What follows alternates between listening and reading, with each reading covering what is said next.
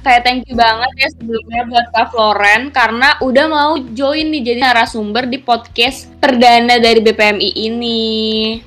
Jadi kenapa sih kita tuh ngadain si podcast ini nih karena kayak kita tahu kan dan kayak Kak Flo juga sebelumnya udah dikabarin ya sama Kak Nadia kalau kalau kita tuh ngerasa kita tuh aware kalau misalkan selama kita masuk ke dunia kuliah terus nanti kita tuh merantau apalagi kita merantau di Malang banyak juga pasti kan karena Malang kan jauh ya lumayan jauh dari mana-mana. Jadi pasti banyak juga kan orang yang masih asing sama Malang atau mungkin belum pernah ke sana terus merantau. Nah selain merantau mereka juga kayak harus hidup mandiri gitu loh kayak terpaksa mandiri jauh dari keluarga. Terus pasti ada yang senengnya jauh dari keluarga nggak ada yang ngatur. Tapi pasti ada dukanya juga dong ya karena kayak tiba-tiba uang, uang udah habis terus kayak orang sedih nggak bisa cerita siapa siapa Nah, kita harus adaptasi nih start dari nol oleh lingkungan baru, lingkungan kampus, terus lingkungan tempat kos, mungkin ada aja kan cekcok satu dua hal lainnya. Nah, kan karena berhubung banyak banyak maba-maba yang baru masuk nih, makanya kita ada yang podcast ini supaya maba-mabanya itu udah prepare supaya mereka bisa survive dalam menjalankan masa perkuliahan mereka waktu ngerantau di Malang ini. Nah karena udah ada Kaflow-nya nih ya, jadi singkat cerita Kaflow ini nih angkatan 2019 dari jurusan psikologi. Nah kayak kita tuh ngeliat Kaflow tuh kayak kayak bisa nih dijadi narasumber buat nge-sharing-sharing ke teman-teman gimana sih caranya buat survive di hidupnya kayak gitu. Tapi mungkin kita boleh masuk ke pertanyaan-pertanyaan ya, mulai dari yang basic-basic dulu aja kali ya, kayak kenapa sih milih buat jauh dari rumah sih kak? Kenapa milih UB gitu di Malang? Uh, by the way sebelumnya kak Flo asal mana deh? Nah ini aku disclaimer dulu sebenarnya tuh rumah aku nggak terlalu jauh juga sih. Aku domisilinya masih di Jatim. Asal aku dari Tulungagung, Jawa Timur gitu. Oh, Kurang lebih tiga jam lah dari Malang gitu. Ya, yeah, yeah. I see, I see. Tapi tetap aja ya tetap harus ngekos ya. Kayak tetap ngerasain kan yang namanya aduh lapar apa ya Indomie aja deh nggak ada makanan di meja makan. Tetap ngerasain kayak gitu ya. Iya, iya banget. Not so far, cuman karena baru pertama kali banget harus ngekos, nggak tinggal sama orang tua, jadi kerasa sama aja jauh gitu. Hmm, bener, bener, bener, bener. Oke, tapi sebelumnya kayak kenapa kamu milih di UB gitu kan kayak lu kayak walaupun cuma tiga jam aja tapi kenapa milih UB kenapa milih buat ngerantau apakah pengen ngeras lebih mandiri or what Oke, okay. um, sebenarnya classical answernya ingin mandiri dan mencari pengalaman baru gitu ya. Kenapa merantau gitu? Tapi memang menurut aku alasannya ya kayak gitu-gitu sih. Karena um, ini alasan alasan merantau dulu ya karena menurut aku kayak hidup akan terus berjalan gitu kan. Aku semakin dewasa terus tanggung jawab aku terhadap diri aku juga makin besar dan tentunya aku juga punya tanggung jawab buat orang tua aku karena hidup aku nggak melulu tentang aku sendiri gitu. Karena aku nggak mungkin selamanya nih gantung sama orang tua aku. Ada saatnya nanti aku yang gantian jadi tempat berlindungnya orang tua aku gitu. So kayak dengan memutuskan untuk merantau walaupun nggak jadi merantau banget karena pandemi COVID-19 ini ya karena pulang lagi tapi seenggaknya I have try gitu karena aku udah coba orang rasain ya Iya, dan itu bisa dikatakan sebuah pengalaman baru yang mixed feeling, ada senengnya, ada sedihnya, kayak gitu. Nah, kalau untuk alasan kenapa aku memilih UB, aku nggak tahu, aku kayak uh, dari SMP aku tertarik banget buat masuk UB. Pertama cuman karena namanya karena wah keren kayaknya deh Universitas Brawijaya gitu. Kayak orang-orang pinter alumni sekolahku tuh masuknya UB gitu. Jadi aduh boleh deh dicoba. Nanti kalau misalkan aku lulus uh, sekolah aku pengen nyoba UB lah kayak gitu. Tertariknya udah lama sih dari SMP jadi waktu dapet kesempatan untuk bisa memilih UB ya aku pilih UB gitu. I see, I see. Oh my god, super super inspiring banget ya. Nah kan tadi kan kakak sempat mention kan, walaupun kayak sekarang pandemi balik lagi ke rumah, tapi kakak sempat ngerasain tuh gimana sih rasanya jauh dari rumah dan ngerasa ngerantau. Walaupun kayak tujuan awalnya tuh baik banget ya, pengen mandiri, pengen mencoba jadi uh, cari jati diri dan sebagainya, tapi kan eh, tetap ada aja tuh pahit-pahitnya. Nah jadi aku mau tahu nih, gimana sih waktu uh, eh, awalnya waktu semester awal kakak ngerantau tuh skillsnya gimana? Bisa nggak diceritain gitu Oke, waktu awal-awal banget, waktu awal-awal banget tentunya karena ya baru pertama kali banget ngekos jauh dari orang tua. Sebenarnya kalau misalkan jauh yang sehari, dua hari, tiga hari gitu, udah beberapa kali. Cuman yang kayak harus dalam jangka waktu yang lama itu baru pertama kali. Pertama kali banget waktu minggu-minggu pertama, apalagi ospek ya kan, minggu-minggu pertama. Rasanya, aduh sedih malah ya kangen rumah karena Um, capek ya Ustaz? Iya, kalau misalkan kalau misalkan di rumah nih ya capek gitu, kalau misalkan pulang malam capek dari sekolah atau kayak gimana, ada tuh yang nungguin, nyiapin makan minum, ditungguin di depan hmm. rumah, paling nggak ada yang nyariin gitu kayak pulang jam berapa gitu. Terus waktu di rumah sih pertamanya tuh kayak ngerasanya, aduh kenapa sih kok ditungguin banget gitu. Nah, waktu di kos-kosan, waktu di perantauan baru kerasa banget. Di sini pulang-pulang ospek, capek, enggak ada yang nungguin, masih harus siapin makanan sendiri lagi, lapar kan. Terus kayak aduh, mau pulang aja gitu di minggu-minggu awal, apalagi minggu-minggu. Pokoknya setiap ospek aku pengen bawanya pengen pulang gitu ke rumah. Itu sih kalau minggu-minggu awal. Apa ya Ra, apa ya bahasanya ya? Kayak aduh sebel banget gue udah capek di rumah gue harus masih beres-beres sendiri kayak gitu. Ya gak sih? Iya betul betul banget betul. Aduh. tapi sempet culture shock nggak kak?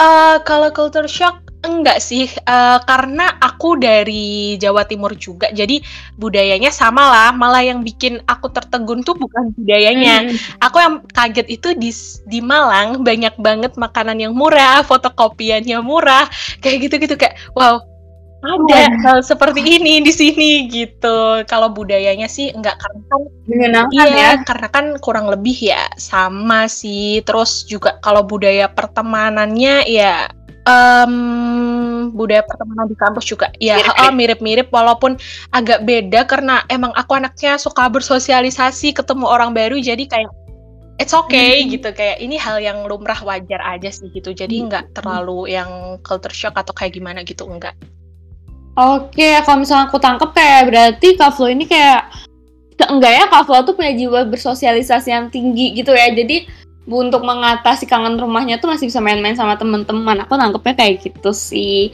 Nah, tapi kan walaupun bisa ngatasin kangen dengan main sama teman-teman, tapi berarti kalau misalkan walaupun ngerantau tiga jam doang ya tetap ada kata homesick dong ya berarti pasti iya, banget. pasti pasti di awal-awal tuh homesick banget kayak berasa paling sedih di seluruh dunia gitu kalau ngebuka makan makan makan sendiri cuci baju sendiri itu kayak berasa udahlah anak paling sedih lah.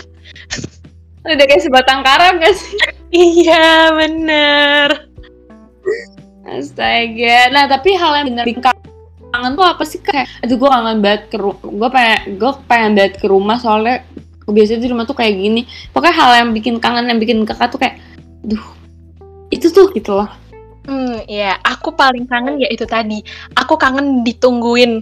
Uh, kalau misalkan aku pulang dari oh. mana-mana itu kangen kayak ada yang menunggu gitu. Jadi ada alasan untuk pulang gitu ya. Kalau di kos nggak ada sepi buka pintu ah kesendirian lagi kayak gitu paling itu sih ditungguin pulangnya gitu itu sebenarnya yang paling aku kangenin. Kalau misalkan tentang yang lain-lain ya kangen cuman ya itu yang bikin kangen berat. Ditungguin pulang sama kebetulan banget waktu awal-awal aku masuk kuliah itu kayak um, minggu depannya aku ulang tahun. Kayak wow.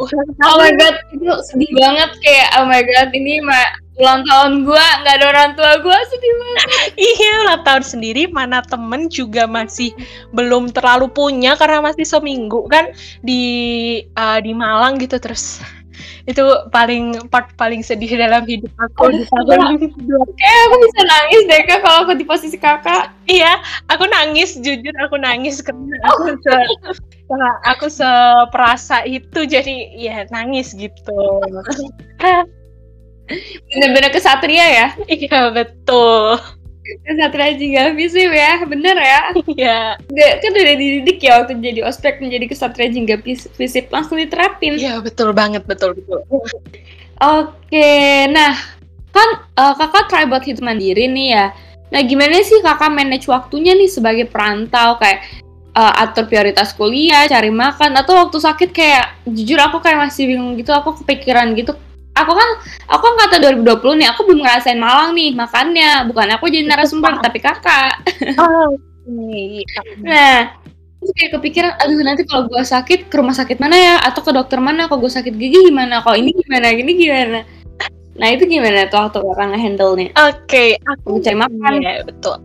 Aku sebenarnya bukan tipikal anak yang menyusun banget skala prioritas kayak oke. Okay, hmm. aku harus yang pertama aku melakukan ini kedua ini ketiga ini. Aku sebenarnya bukan anak yang gitu banget. Aku lebih kayak yang mana lebih urgent yang harus aku lakukan ya aku lakuin gitu. Cuman kalau ditanya uh, kayak mengatur waktunya ya yang pertama karena aku ke sini uh, ke sini maksudnya ke Malang untuk kuliah ya aku mendahulukan kuliahnya dulu, kuliah dulu. Terus kalau misalkan masalah makan atau kayak gimana ya bisa di break kuliah atau sekarang kan zaman semakin maju ya sama nugas sama makan yang penting nggak di kelas lagi kuliah gitu kan. Terus apa lagi? Right. Mm kalau misalkan main ya dilihat aja waktunya biasanya weekend lah bisa main gitu. Penting tugas-tugasnya diselesaikan dulu biar mainnya nggak ada beban, nggak kepikiran tugas kayak gitu. Terus oh ya, oh, iya. ya ibadah juga prioritas juga hmm. kayak gitu.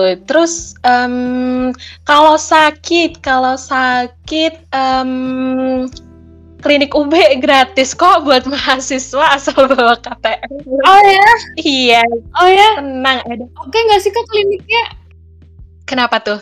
Ada kliniknya. Oke nggak sih kliniknya? Iya, ada kliniknya gratis uh, asalkan bawa KTM dan uh, obatnya juga lengkap. Terus bener-bener bener-bener kayak nggak ya sakit ya tetap pusing ya. Cuman maksudnya kayak sakit tuh nggak yang sedih banget karena disediain fasilitas kayak gitu. Tapi kebetulan hmm. aku sakit selama setahun kemarin itu cuman dua kali. Karena aku tipikal bukan tipikal anak yang kalau sakit tuh dirasain gitu. Misalkan kayak cuman flu batuk demam yeah. gitu kayak ya udah gitu kan. Tidak terlalu meratapi Satria emang kesatria ya? Uh, aku sakit itu yang sakit banget sekali itu itu kayak sedih sih. Cuman kebetulan udah punya teman-teman hmm. jadi kayak udah ada yang bawain obat kayak gitu manage uh, terus ya juga udah bisa manage diri sendiri juga. Kayak oh kalau sakit harus gini gini gini. Nah sakit yang kedua itu aku merasakan ke klinik UB gitu. Gratis aku kaget banget. Hmm. uh, bener-bener obatnya tuh ya obatnya lengkap juga dikasihnya kayak gitu sih. Jadi kalau misalkan ya tapi tetap harus jaga kesehatan ya walaupun ada klinik UB kayak apalagi di pandemi kayak gini jadi harus lebih lebih aware lagi sih sama kesehatan kalian. Bener bener bener oke okay, ya. Enak ya kalau misalnya ada temen kalau misalnya sakit kenapa kenapa ada yang take care kita gitu jadi kita nggak ngerasa sebatang kara sebatang kara amat kayak gitu iya. nah ngomong-ngomongin waktu dan juga prioritas nih ya nah kakak nih uh, ikut organisasi gitu nggak Maksudnya kayak aktif kepanitiaan atau organisasi gitu tidak? Ikut, ikut. Aku ikut organisasi. Nah, eh, tetap ya tetap utamain kuliah ya berarti dibandingkan organisasi kayak gitu. Soalnya kan kayak aku yakin banget kalau misalkan nanti kan kita ini ini podcast kan dihususkan untuk maba-maba nih ya. Hmm. Nah aku yakin banget nih maba-maba waktu tahu kalau misalnya di kampus tuh, oh ada banyak banget AKM sama LSW, pas langsung kayak kalap gitu loh. Iya, iya, iya. Ambil ini, ikut ini, ikut ini, dan akhirnya tuh banyak banget kasusnya yang kayak terpelantar gitu loh, terlantar. Nggak, nggak, nggak mereka ituin dan mereka bakal capek sendiri, terus mereka malah ngeghosting si Alkam sama LSO gitu. Mm -hmm. Jadi kakak ada nggak sih tips and tricksnya nih supaya buat maba-maba ini mau ikut kepanitiaan atau organisasi itu tuh kayak mikir-mikir lagi atau enggak gimana cara ngebagi waktunya nih sama jam kuliah mereka. Oke, okay, kalau misalkan tips and trick ya, um, ini aku berdasarkan pengalaman aja. Jadi uh, kalau mau ikut sesuatu kegiatan, kepanitiaan atau organisasi, cari tahu dulu sih, cari tahu dulu gimana kira-kira kesibukannya di sini tuh apa. Uh, uh, bukan cuma organisasinya aja, kan setiap divisi atau setiap uh, kementerian atau setiap si itu kan ada uh, kesibukannya masing-masing, ada job desknya masing-masing. Nah itu kayak benar-benar dicari tahu aja, jangan malu buat bertanya ke orang-orang udah berpengalaman kayak gitu. Tapi kalau misalkan emang malu, uh, dicoba dulu satu-satu aja, jangan langsung semuanya gitu, jangan langsung semuanya karena boleh sih, yeah. emang sekarang lagi gencer-gencernya untuk memenuhi CV, LinkedIn kayak gitu kan. Cuman Bener um, banget, Bun. Iya, betul kan. Cuman uh, untuk apa kita sibuk tapi nggak produktif? Lebih baik kita nggak terlalu sibuk tapi kita produktif gitu loh untuk diri kita sendiri daripada sibuk ternyata nggak produktif. Sibuk dan produktif itu berbeda gitu ya. Produktif tuh kita aware sama diri sendiri kita tahu batas kemampuan diri kita gitu. Nah jadi um, boleh sih kayak ikut ini ikut itu. Cuman tetap inget gitu tujuan awalnya datang ke sini tujuan awalnya uh, masuk UB itu untuk apa ya untuk kuliah. Terus kalau misalkan emang nggak uh, menyusun skala prioritas itu emang pengen cari pengalaman sebanyak-banyaknya tetap jangan di apa ya namanya jangan diabain kuliahnya tetap harus bertanggung jawab sih sama kuliahnya. Kan pamitnya ke orang tua kuliah gitu bukan ikut BEM terus ikut betul banget. LKM kan nggak kayak gitu. Pamitnya kan kuliah jadi tetap harus tanggung jawab sama kuliahnya. Tapi emang ikut organisasi ikut kepanitiaan tuh juga penting banget buat self development lah. Paling-paling uh, yang utama itu itu buat pengembangan diri itu penting banget. Tapi ya itu harus uh, tahu batas kemampuan diri sendiri terus juga tetap harus ingat tujuan awal dan ikuti LKM LSO yang sesuai minat teman-teman gitu. Jangan sampai nanti ternyata di tengah-tengah nggak sesuai minat terus ya kayak tadi yang dibilang terus ghosting akhirnya karena alasannya capek terus bosen nggak sesuai kemampuan kayak gitu. Jangan sampai kayak gitu. Apa yang udah dimulai harus diselesaikan dengan baik sih. Bener banget. Ih soalnya aku beneran ngerasa banget kayak kan itu kan berarti kan tahun kemarin tuh ya angkatan aku tuh yang ngerasain kayak gitu. Dan aku kayak ngelihat secara nyata gitu loh kayak oh oh banyak ya yang kayak gitu. Banyak apa ya kayak kita tuh saking excitednya kita nggak ngukur diri gitu loh. Karena emang jomplang banget nggak sih dari SMA SMA tuh nggak akan mungkin kan sebanyak itu kami sama LSO jadi kita kayak oh banyak apalagi di FISIP nih kayak buat hobi-hobinya tuh banyak banget yang ngedukung kan LSO LSO-nya hmm, iya hmm, betul. Nah kalau kita ngomongin rantau nggak nggak kayak kurang garam gitu nggak sih? Kalau misalkan kita nggak ngomongin tentang finance-nya. Iya. Bener kan? Kayak secara anak rantau nih mandiri. Terus selain itu juga kayak biasa kita dapat uang jajan kita nggak mikirin makan. Kalau uang jajan kita habis kita ada makanan di rumah. Kalau sekarang bener-bener kita hidup pakai itu gimana tuh caranya harus bisa makan, harus bisa beli alat-alat mandi dan lain sebagainya. Pokoknya itu hidup, dikasih uang jajan, udah hidup tuh kita selama sebulan. Betul. Nah, walaupun kakak gak jauh-jauh banget rumahnya, tapi tetap aja doang ya pasti ngerasain. Hmm. Nah, ada nggak sih kak tips and tricks yang untuk ngatur uang kayak gitu? Apalagi yang jadi concern aku, walaupun di Malang nih makanan yang murah-murah serba murah, tapi aduh seberapa murah. Aku nggak cadel ya ini kayaknya kepa masih pagi nih. Ini kita record pagi-pagi nih. Aku nggak cadel kok. Maksud aku kayak walaupun 500 ser serba murah tapi kalau kita makannya banyak dan terus-terusan or mungkin kalau misalkan kita nge-cafe mulu kan itu pasti bisa jadi concern juga kan. Ditambah cafe Malang tuh kalau misalkan aku lihat di SG SG teman-teman aku di Malang tuh kayak lucu-lucu gitu loh. Betul banget. Gimana tuh kak? Tips and trick untuk jaga finance-nya okay, um, kalau misalnya ini based on my experience dulu, kalau misalkan aku, aku tuh dikasihnya uang yeah. bulanan. Jadi uh, uang bulanan mm-hmm. itu langsung kalau aku tuh tipe yang langsung nge-persen-persenin nih kayak 10% untuk ini, terus untuk ini, untuk ini kayak gitu. Ada yang untuk uh, keperluan mendadak, terus ada yang ditabung, terus untuk belanja bulanan. Nah, sisanya itu aku sisi uh, bukan aku sisiin, sisanya tuh aku bagiin ke empat minggu atau lima minggu kan satu bulan terdiri dari empat minggu atau lima minggu gitu kan. Jadi hmm. aku persen-persenin sih. Cuman kalau misalkan yang um, secara umum sih secara umum yang pertama itu jangan lupa untuk nabung gitu, tetap nabung walaupun uh, right. karena apa ya itu penting banget gitu loh buat simpanan uang. Ya kita nggak memungkiri lah ya kalau saat kita menabung kita ingin juga mengambilnya melihat tabungan kita yang banyak kita dikit-dikit ngambil kayak gitu. Nah uh, selama nggak dibutuhin banget jangan diambil tabungannya. Jadi nabung dulu gitu. Terus tentuin skala prioritas kalau misalkan belanja gitu.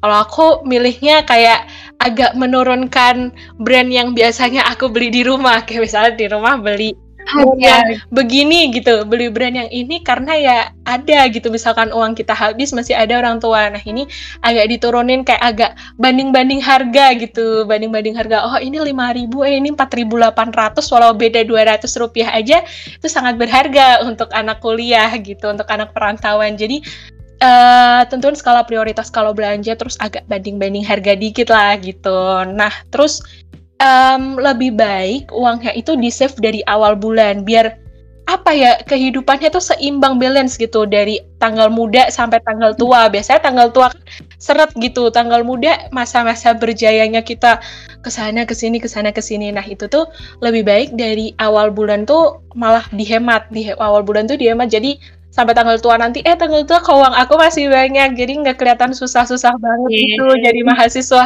jadi kayak seimbang gitu kehidupannya terus malah pas tanggal tua bisa kayak um, agak main gitu nah tapi kalau misalkan emang ada yang tipikal emang main di akhir minggu yaitu dirinci aja kebutuhannya gitu kayak oh aku seminggu uang aku segini. Nah, nanti hari pertama sampai kelima ini, nanti hari ke-6 sampai ke-7 aku main masih punya uang segini gitu. Nah, kalau misalkan rajin, biasanya uh, cewek-cewek yang rajin untuk mencatat pengeluaran, nah itu tuh dicatat itu nggak apa-apa banget. Tapi cowok-cowok juga ada yang rajin, jadi untuk semuanya aja kalau ingin rajin dan rapih catat pengeluaran. Aku biasanya sih di aplikasi uh, ada aplikasi kayak pencatat gitu sih ada kayak aplikasi buku kas kayak gitu. Nah biasanya aku catat di situ biar rapi aja. Kalau misal mager banget ngerinci satu-satu gitu ya pengeluaran kayak nasi uduk lima ribu, terus makan di kantin lima ribu gitu kan malas gitu kan. Nah pokoknya tahu sehari itu keluar berapa duit gitu. Nah biasanya aku patokin sih di aku remind gitu di awal pencatatan maksimal aku ngabisin berapa. Lo misalkan udah habis ya udah kita menakan diri untuk okay, masih ada hari esok gitu. Nah terus sama Oh iya, sama siapin dana cadangan. Karena pasti ada aja gitu kebutuhan gak terduga. Misalkan tiba-tiba disuruh fotokopi atau ngeprint atau kayak gitu-gitu tuh kelihatannya perintilan-perintilan. Cuman kalau perintilannya setiap hari juga banyak gitu. Jadi siapin dana cadangan juga gitu. Sebenarnya tuh tapi tips and trick ini nggak terlalu berlaku kalau kita tuh udah dari awalnya bisa mengendalikan diri gitu. Karena yang susah itu lebih ke pengendalian nafsu ya. ya. Apalagi udah dibawain uang sendiri nih kan, udah dibawain uang sendiri, terus juga dibawain ATM, punya M banking, punya akun e-commerce ya, belanja online. Racun banget ya sih top up Shopee terus nanti. Iya betul, udah komplit tuh ya kan, nggak kerasa kalau uangnya menipis gitu. Jadi um, Pak lebih ke selain tips and trick itu digunakan lebih ke mengendalikan gimana kita mengendalikan diri sendiri sih kayak gitu. Percuma sih ke masukan tips and trick juga kalau misalkan kitanya kayak aduh udahlah di losin aja nih belanjanya kayak gitu.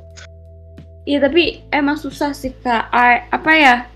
Aku aku yakin sih pasti susah dan aku juga yakin juga kayak masalah finance sih pasti ada aja orang yang bakal ngerasain apa ya pasti bakal ada aja orang yang ngerasain nih di saat-saat aduh Bang gue tinggal segini gue makan Indomie aja. Soalnya setiap aku masih SMA identik anak kos tuh beneran Indomie di kepala aku.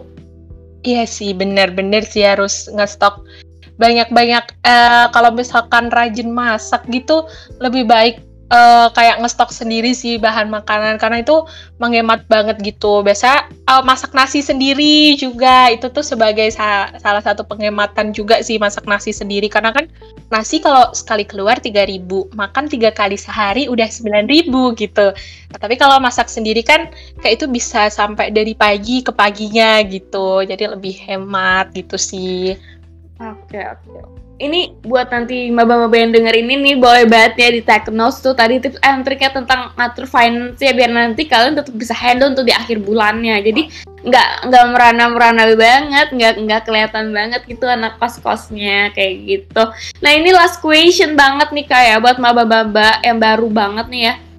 Gimana sih kak cara nggak apa ya cara memanage atau menghadapi culture shock biar kita bisa lebih mudah beradaptasi di lingkungan baru kayak gitu. Oke, kalau misalkan saran ya saran eh, bisa research dulu sih, bisa tanya ke cutting yang udah kalian kenal atau misalkan kalau bukan ke cutting kayak ke teman-teman kalian yang tinggal di Malang gitu. Biasanya kan ada grup maba tuh udah kayak kenalan, "Halo, aku ini aku asal dari Malang." Bisa lah, boleh banget untuk tanya-tanya dulu gitu ke mereka. It's okay karena sekarang uh, apa ya SKSD gitu lah istilahnya tuh perlu juga gitu. Karena di masa pandemi kayak gini toh nanti kalau misalkan masuk ketemunya nggak bisa yang intens banget atau kayak gimana. Nah cari temen itu penting banget gitu. Jadi bisa riset dulu tanya ke mereka terus tanya Google juga bisa atau searching di YouTube kayak gitu.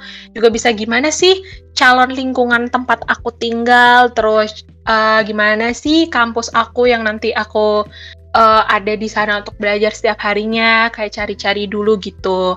Terus lingkungan kehidupan kampus, jadi nanti waktu dateng tuh nggak nol banget kayak nggak ngerti apa-apa kaget gitu nah walaupun pasti nanti di perjalanannya pas udah beneran ada di Malang uh, pasti menemukan perbedaan-perbedaan gitu kan kalau eksekusi langsung juga cuman kayak seenggaknya udah punya wawasan gitu dan terus juga udah punya tim ada gambaran ya, ya uh, udah punya tindakan preventif juga kalau misalkan oh kalau misalkan kayak gini aku bakalan begini. Nah terus apa ya punya pikiran yang terbuka juga, punya mindset yang terbuka juga. Kita kan merantau, kita yang merantau jadi lebih adaptable aja sama keadaan lingkungan yang ada gitu. Terus sadar nih, kalau kita nih istilahnya tinggal di lingkungan orang tanda kutip gitu, bukan di lingkungan kita sendiri. Jadi lebih punya mindset yang terbuka atas perbedaan-perbedaan yang ada gitu. Tapi kan emang tenggat waktu orang beradaptasi itu beda-beda. Ada yang cepat, ada yang lama. Nah, poin penting itu tadi kita udah paham dulu nih sebelum terjun langsung ke lingkungan baru. Terus jangan segan untuk tadi komunikasi, membuka obrolan sama teman-teman, membuka obrolan sama orang lain gitu. Tapi bukan asal-asalan cap cip cup kayak uh, gitu ya tapi tetap harus hati-hati. Cuman memperluas pergaulan itu penting banget sih. Memperluas pergaulan itu penting banget karena nggak ada yang salah sih untuk bersosialisasi dengan orang baru berteman dengan orang baru. Kan mungkin ada yang masih takut-takut ya ya seenggaknya satu dua lah ada gitu. Teman uh, jadi nggak sendiri-sendiri banget waktu datang di Malang atau nggak buta-buta banget gitu tentang Malang kayak gitu sih. Terus coba bisa belajar dikit-dikit bahasanya kayak uh, ya bahasa yang mudah-mudah aja. Jadi kalau misalkan nanti di lingkungan kalian ada yang ngomong pakai bahasa Malang gitu, enggak enggak uh, se-clueless itu kayak oh ngerti dikit-dikit gitu. Nah, terus coba hmm, kalau misalkan iya kalau misalkan sampai nanti coba jalan-jalan kecil-kecil lah di lingkungan sekitarnya gitu. Kayak tahu oh di situ tempat jualan ini di situ tempat jualan itu. Kayak gitu. Biar nanti kalau udah masuk kuliah jadi nggak buta jalan buta bahasa dan buta-buta lainnya. Karena udah persiapan gitu sih. Lebih ke persiapannya aja. Kayak research. Jangan malu untuk research dan komunikasi gitu. Oke okay, oke. Okay. aduh aku yang selaku mantan maba aku kayak merasa kayak oh gitu ya. Kan istilahnya aku ini nanti Agustus kalau emang jadi aku juga bakal baru nih nyampe sana. Dan aku yakin banget itu bakal aku pakai yang udah diomongin sama Kak ini. Dan aku yakin juga buat maba-maba nanti yang ngedenger podcast ini juga pasti akan ngerasa kebantu banget. Karena Kak tuh ngejelasinnya tuh udah jelas terus kayak mudah dipahami dan juga kitanya itu jadi enak gitu loh kak. Serius deh. Jadi kita kayak oh gitu. Super inspiring and insightful banget Oke, kayak makasih makasih kalau misalkan mudah dipahami. Karena emang itu kan tujuan dari podcast ini biar paham gitu kan pendengarnya juga. Oke, karena tadi itu ada pertanyaan terakhir kita, jadi kayak thank you banget Kak Flo karena udah mau jadi narasumber kita di podcast pertama BPMI ini. Semoga apa yang udah Kak Flo sampaikan itu bisa bermanfaat ke depannya bagi para mahasiswa-mahasiswa baru atau mungkin mahasiswa lama yang masih struggle nih buat survive di dunia kuliah. Ya, oke. Okay. Nah, um, apa ya? Kalau buat teman-teman yang masih struggle untuk survive di dunia perkuliahan, kayak uh, sebenarnya apa ya ketakutan-ketakutan atau rintangan-rintangan itu pasti ada dan pasti mungkin ketakutan kita tuh pasti akan terjadi. Cuman kayak itu tadi sih berusaha berpi punya mindset terbuka karena emang hal itu lumrah gitu terjadi apa pun yang tapi apa pun yang terjadi, seenggaknya kita udah punya persiapan nih. Oh, aku bakalan menghadapi kayak ini, ini, ini, ini. Terus kan kita juga udah semakin dewasa nih di kehidupan perkuliahan. Kayak tanggung jawab kita sama diri sendiri lebih besar. Jadi kalau misalkan ada problem-problem kecil atau ada batu-batu, itu kayak kita udah sadar penuh gitu loh bahwa ya itu gitu ceritanya di kehidupan tuh pasti kayak gitu cerita di perkuliahan tuh pasti kayak gitu dan nanti uh, pas udah benar-benar di kehidupan perkuliahan kita nggak akan sendirian gitu loh. Kita nggak akan sendirian. Kita juga punya teman-teman yang menjalani hal yang sama terus juga punya uh, struggle yang lebih berat atau kayak gimana gimana nah itu tuh dijadiin pacuan diri aja motivasi diri kita biar oh aku nggak sendirian nih di sini, aku berjuang di sini. Terus pikirin aja kalau kita terus berjuang, langkah-langkah kecil kita menuju ke langkah-langkah besar, terus gimana kita nanti pikirin hal-hal baik yang uh, apa ya yang bisa kita capai dengan langkah-langkah kita gitu. Nah kalau buat survive, um, survive-nya orang-orang tuh kan beda-beda ya caranya. Kita cari tahu, ya kita cari tahu aja cara terbaik kita dalam survive tuh kayak gimana. Belajar aja kalau misalkan belum tahu pasti belajar dulu aja pelan-pelan. Oh kalau misalkan aku survive dengan cara ini, uh, kayaknya aku masih kesulitan deh. Coba cara lain, coba cara lain, explore aja sampai kita temu yang pas gitu. Jadi kalau misalkan untuk survive nggak bisa sih dibanding-bandingin satu orang dengan orang yang lain karena pasti beda-beda rintangannya, beda-beda uh, cara menghadapinya gitu. Yang penting yang terbaik buat diri kita dan juga nggak lupa yang terbaik uh, yang baik juga buat orang lain, nggak merugikan orang lain kayak gitu.